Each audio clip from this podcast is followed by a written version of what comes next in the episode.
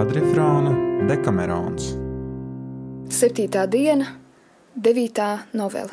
Lidija, Nikostrāta sieva, mīl pīru, kurš vēlēdamies par to pārliecināties, pieprasa no viņas trīs pierādījumus, ko viņa arī sagādā. Turklāt Nikostrāta klātbūtnē lakstojas ar pīru un Nikostrātam iestāsta, ka tas, ko šis redzējis, nav tiesa. Neifils novela visiem tik ļoti patika, ka dāmas nevarēja vien beigt par to smieties un runāt, lai gan karalis jau vairāk kārt bija līdz apklust, pavēlēdams Pamfilam stāstīt savu novelu. Gal galā, kad visi apklusa, Pamfils iesāk tā. Es domāju, cienījumās dāmas, ka nav nekā tāda, lai arī cik grūti un bīstam tas būtu, ko neuzdrošinātos izdarīt cilvēks, kurš dedzīgi mīl. Kaut tas jau tapis pierādīts ļoti daudzās novelēs, Es tomēr domāju, to vēl lieku reizi parādīt ar kādu savu noveli, ko gribu jums pastāstīt. Tajā jūs dzirdēsiet par kādu donu, kam viņas pasākumos vairāk palīdzēja liktenis nekā atjautīgs prāts. Tāpēc mans padoms būtu, lai neviena neuzdrošinās sekot pa pēdām tai, par kuru es esmu nodomājis stāstīt. Jo nevienmēr liktenis ir vēlīgs un ne visi vīrieši pasaulē ir vienādi apmāti. Ļoti vecā, ahaist pilsētā Argosā, netik lielā, cik slavenā, ar saviem senajiem karaļiem, reiz dzīvoja kāds dišciltīgs vīrs, ko sauc par Nikostrātu, un kam jau pašās vecuma dienās liktenis dāvāja par sievu kādu ievērojamu donu, vienlīdz drosmīgu un daļu vārdā Lidiju. Kā jau dišciltīgs un bagāts vīrs, viņš turēja daudz kalpotāju, suņu un putnu, un vislielāko prieku viņam sagādāja medības. Un bez citiem kalpotājiem viņam bija kāds jauneklis, līdz iznesīgs un stalta auguma un izveicīgs it visās lietās, pie kā vien tas iedomājās ķerties, un tā vārds bija Pirs.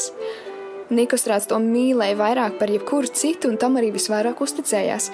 Šajā jauneklī iemīlējās Lidija. Un tik stipri, ka nec dienu, nec nakti nespēja domāt ne par ko citu kā vien par viņu. Taču Pīrs gar šo mīlestību vai nu to neievērojams vai negribēdams ievērot, nemaz nelikās zinis, kas pildīja Donas dvēseli ar nepanesamām sāpēm. Un nolēmus viņam visu darīt zinām, Dona iesauc pie sevis kādu savu istabeni vārdā Lusku, kurai tā sevišķi uzticējās un, un sacīja: Luska, labvēlībai, ko tu no manis esi saņēmusi, vajadzēja tev padarīt paklausīgu un uzticamu. Tāpēc sargies, lai to, ko es tev tagad teikšu, neviens nekad neuzzinātu, izņemot cilvēku, kuram es tev likšu to pateikt. Kā tu redzi, Luska, es esmu jauna un spirta, un pāri pilnām apveltīta ar visu, ko viena sieviete var vēlēties. Īsi sakot, es nevaru žēloties ne par ko citu, kā vien par to, ka manam vīram ir pārāk daudz gadu, salīdzinot ar maniem un tāpēc man nākas dzīvot visai slikti apgādātai ar to, no kā jaunas sievietes gūst visvairāk prieka. Tomēr, tāpat kā citas pēc tā ilgodamās, jau labi sen es nolēmu, kaut arī liktenis man nav bijis sevišķi draudzīgs un devis tik vecu vīru, tālāk es negribu kļūt pati sev par naidnieku. Neprotot atrast ceļu uz prieku un glābiņu, un lai šai ziņā es būtu tikpat labi apgādāta kā ar vispārējo, es beidzot nolēmu, ka mūsu pirs, kas ir tā cienīgāks par jebkuru citu, ar saviem apskāvieniem man to sniegs. Un es viņu esmu tik ļoti iemīlējusi, ka vienīgi tad jūtos labi, kad redzu viņu vai domāju par viņu. Un, ja es drīz vien nesastapšos ar viņu, tad es nomiršu. Un tāpēc, ja tev mana dzīvība ir dārga, pavēsti viņam par manu mīlestību tādā kārtā, kā tev šķiet vislabāk, un palūdz manā vārdā, lai viņš ir tik laipns un atnāk pie manis, kad tu aizies viņam pakaļ. Istabens sacīja, ka labprāt to darīšot. Un tik līdz viņa šķita atradusi piemērot laiku un vietu, viņa pavilka pīrus sāņus, cik vien labi prata, pavēstītam, ko kundze bija uzdevusi.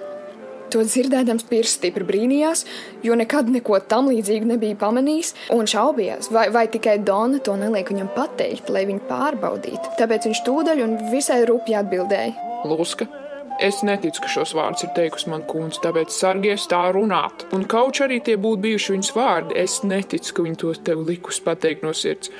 Un, ja tomēr viņi tos būs likus pateikt no sirds, mans signors man parāda vairāk godu nekā es pelnu, un es nekad savā mūžā nenodarīšu viņam tādu apvainojumu, un tāpēc pielūko, lai par tādām lietām tu man vairāk nerunātu. Viņa skarbie vārdi Lusku nemulsināja, un tā sacīja: Pīr, Gan par šo, gan visu citu, ko mana kundze man pavēlēs, es tev runāšu tik daudz reižu, cik vien viņi man liks, vai tev tas patīk vai nepatīk. Bet, bet tu patiesi esi muļķis. Mazliet noskaitusies par pīra vārdiem, viņa atgriezās pie Donnas, kas izdzirdus pīra atbildi gandrīz jau vēlējās mirt, taču pēc dažām dienām atkal runāja ar kalponi un sacīja. Lūska, tu zini, ka ozols pēc pirmā cirtiena negāžas.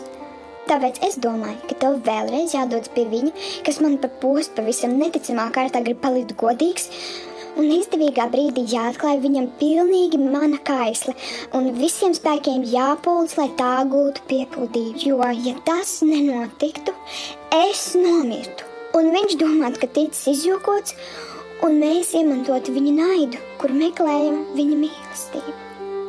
Kalpone Nomierinājis kundzi, uzmeklēja pīru, ko tā atrada priecīgā un labā omā, un sacīja viņam tā: Pīr, pirms dažām dienām es tev stāstīju, cik dedzīgi tevi mīl tava un mana kundze.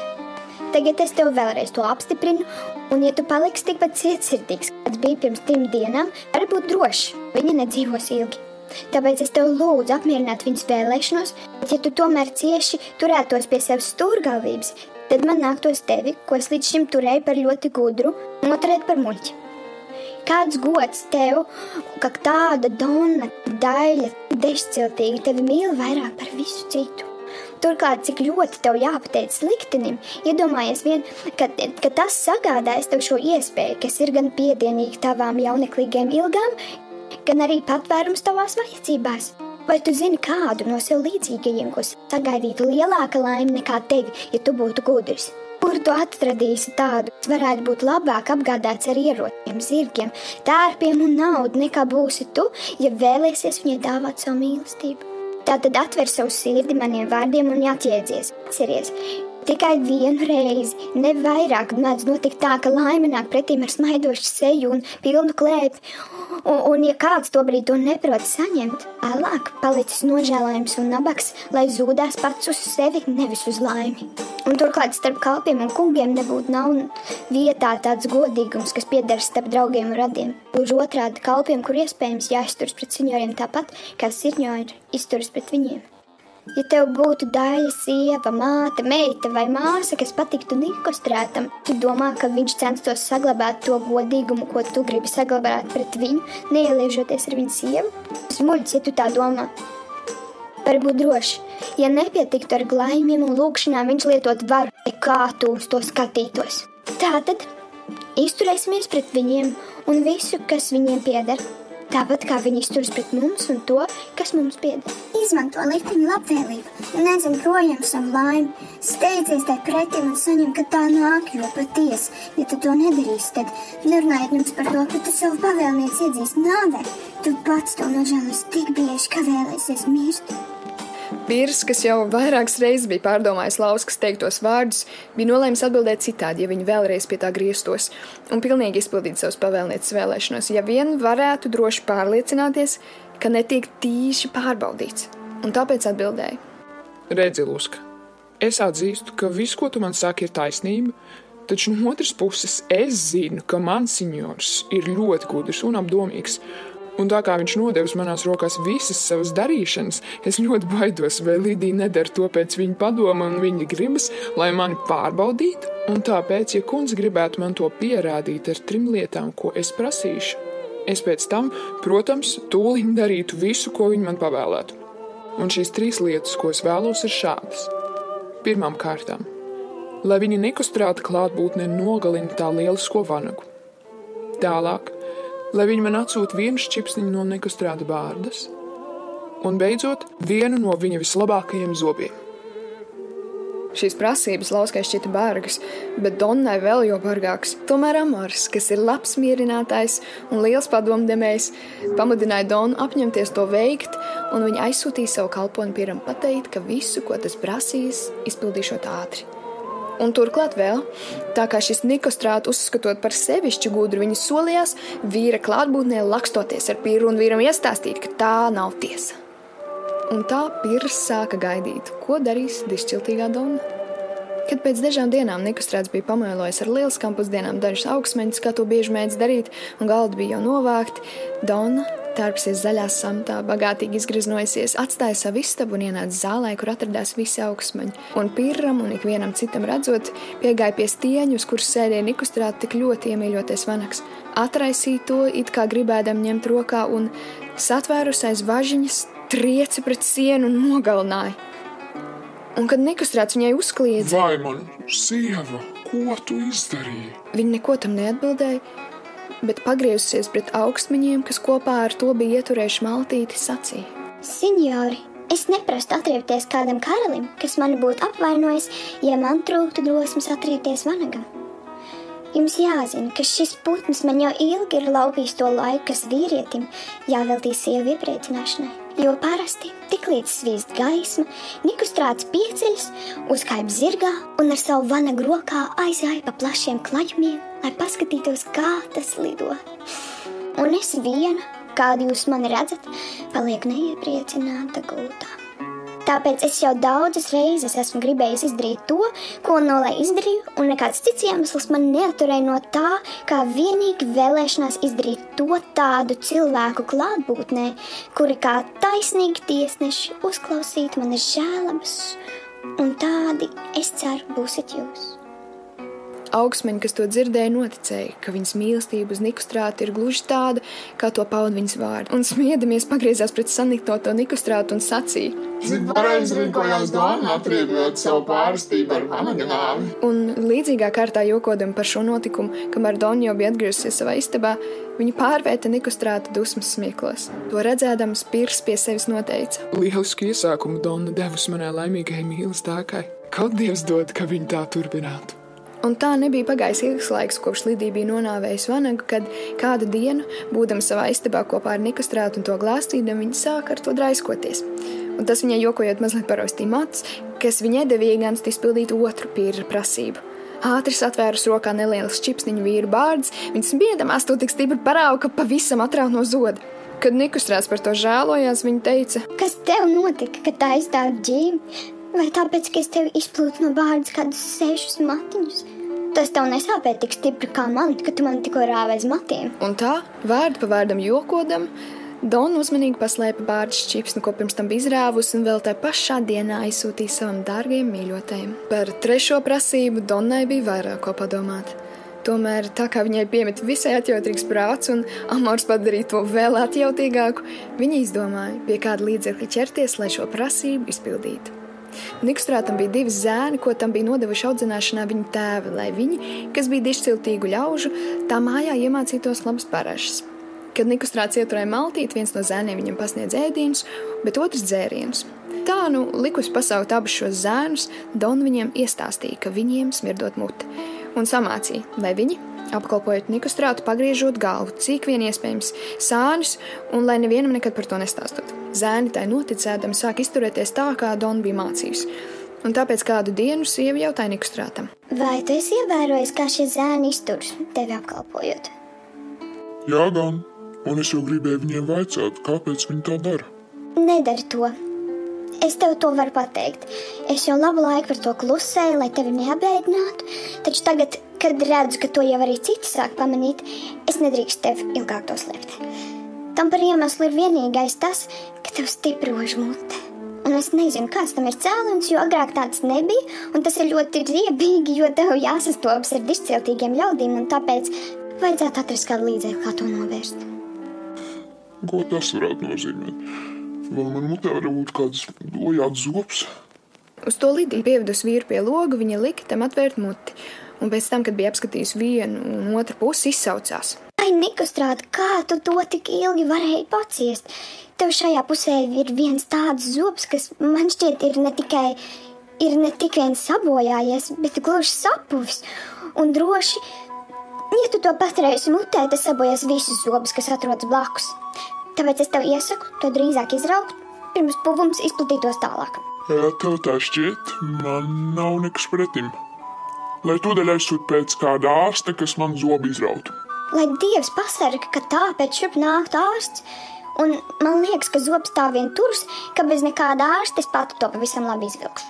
Turklāt šie ārsti ir tik cietsirdīgi darot savu darbu, ka man sirds neizturētu. Redzot vai zinot, ka tu atrodies kāda tāda rokās, un, un tāpēc visādā ziņā es gribu to darīt pati, jo es vismaz, ja tev pārlieku sāpēs, to tuliņu, tuliņu atlaidīšu, ko ārsts nekad nedarītu. Un tā, likus atnest vajadzīgos rīkus un izsūtīsit visus no istabas, viņa paturēja pie sevis vienīgu lusku un aizslēgus durvis. Viņa lika Nikustrātam izstieties uz kāda galda un ielikt tam mutē knaiblis. Un satvērus vienu no zobiem, lai gan vīrs stipri kliedz no sāpēm, kamēr lusku to cieši turēja, viņa ar varu izvilka zobu un paslēpa. Un kādu citu pavisam sabojātu zobu, ko viņa turēja rokā, parādīja vīram, kurš bija galīgi nomocījies un gandrīz pamirs, un sacīja: Redzi, ko tu jau labi ilgi esi turējis mutē. Nikstrāts tam noticēja. Un kaut gan bija pārdziets briesmīgs moks un vēl ar vienu stipri vainoja, tomēr, kad zobs bija izrauts, turēja sev par izdziedātu. Un gan šo, gan to spirdzinājies viņš, kad sāpes bija aprimušas, izgāja no istabas. Donna paņēma zobu, uz karstām pēdām aizsūtīja to savam mīļotajam, kas tagad jau pārliecināts par viņas mīlestību, atbildēja, ka esot ir mieru izpildīt katru viņas vēlēšanos. Taču Lidija vēlējās to vēl vairāk pārliecināt. Un tā, kā katru stundu, ko viņa nebija kopā ar savu mīļoto, viņai šķita kā tūkstošas stundas, un viņa gribēja izpildīt visu, ko bija solījusi, tad viņa izlikās slima. Un kādu dienu pēc maltītes, kad viņa apciemoja Nikostrāts, Lidija redzēdama, ka tam līdzi ir vienīgi pirs, palūdza, lai par remdējumu viņas mokām abi palīdz viņai noiet dārzā. Tāpēc Nikostrāts paņēma viņu no vienas un pirs no otras puses un nones dārzā un nolika uz kādu mauriņu zem skaistas bumbieres. Un kad viņi tur kādu brītiņu bija sēdējuši, Donna, jo iepriekš samācījis pīru, kas tam darāms, sacīja. Pīr, man ir liela kāra pēc kāda no šiem bumbieriem, tāpēc uzkāp kopā un nomet man dažus. Pīrs žiglu uzkāpies kokā, sāka mest lejā bumbierus un tos mezdams runāja. Ei, meser, ko jūs darāt? Un jūs, Donna, kā jūs nekaunaties to pieļaut manā klātbūtnē? Vai jūs domājat, ka es esmu akls?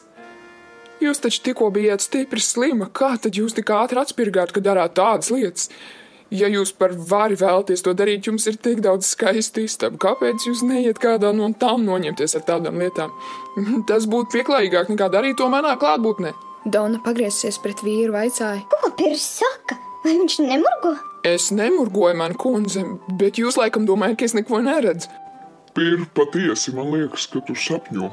Mans kungs, es nepavisam nesapņoju, un jūs arī nesapņojat. Gluži otrādi, jūs tā darbojaties, ka tad, ja šis bumbieru koks tā kratītos, tajā nepaliktu neviena bumbiera. Ko tas varētu nozīmēt? Vai tas varētu būt taisnība, ka viņš patiesi redz to, par ko runā?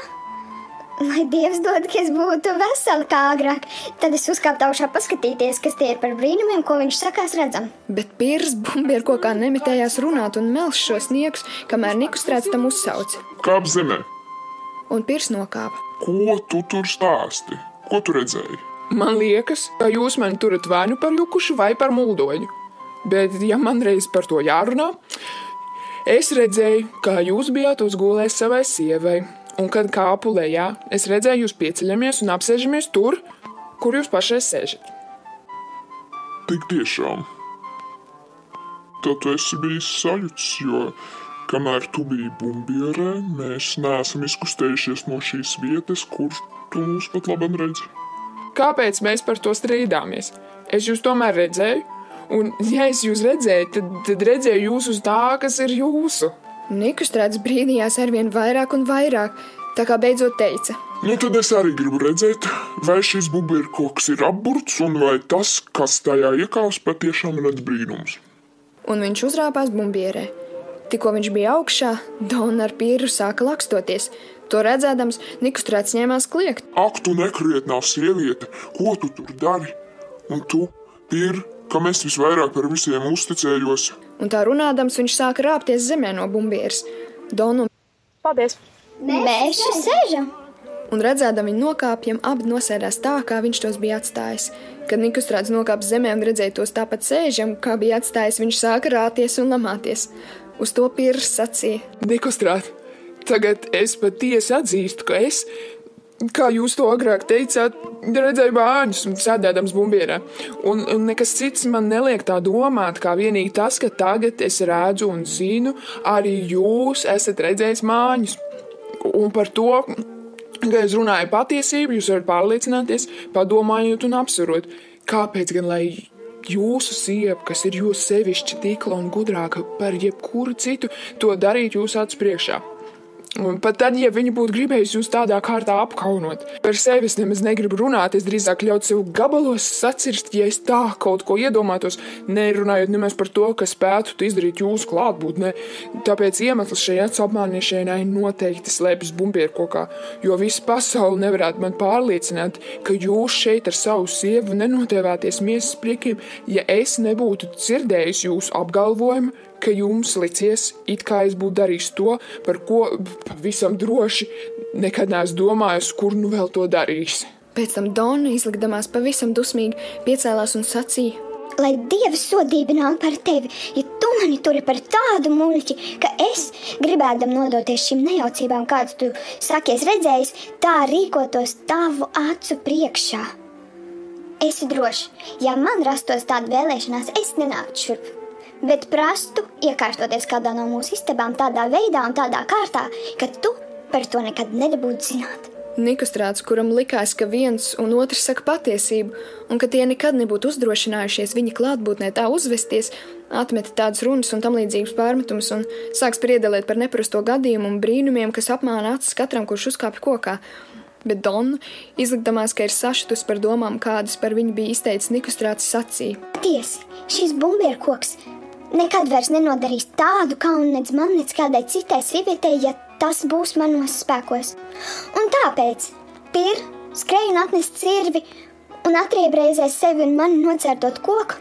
Lai gan daudz labāk būtu ar šo cirvi iegāzt pa galvu Nikostrātam, kurš bez kāda apdoma tik ātri ļāva aptumšot savus saprāta acis. Un kaut gan acīm, kas atrodas to pierē vīrs, rādījās tas, ko tu teici, Nekādā ziņā to ar savu prātu un saprāšanu nedrīkstēja pieļaut un pieņemt, ka tas tā patiesi ir bijis. Vīrs aši aizgāja pēc cirvja un nocirta bumbieru koku.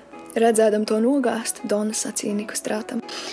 Tagad, kad es redzu krituši manu goda naidnieku, arī manas dusmas ir izgaisušas. Un dāma augstprātīgi piedeva Nikostrātam, kurš lūdz piedošanu, un piekodināja, lai tas par kaut ko tam līdzīgu nekad neturot aizdomās viņu, kuru mīlot to vairāk par sevi pašu.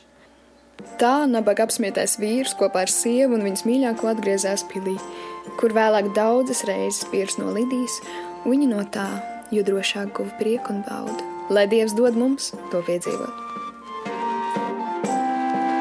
Sveiki! Mani sauc Kate Elpo, un šīs dienas pavadu mājās. Man ir liels prieks būt daļai no kvadrifona dekamerona lasījumiem, lai drošs un radošs šis laiks mājās.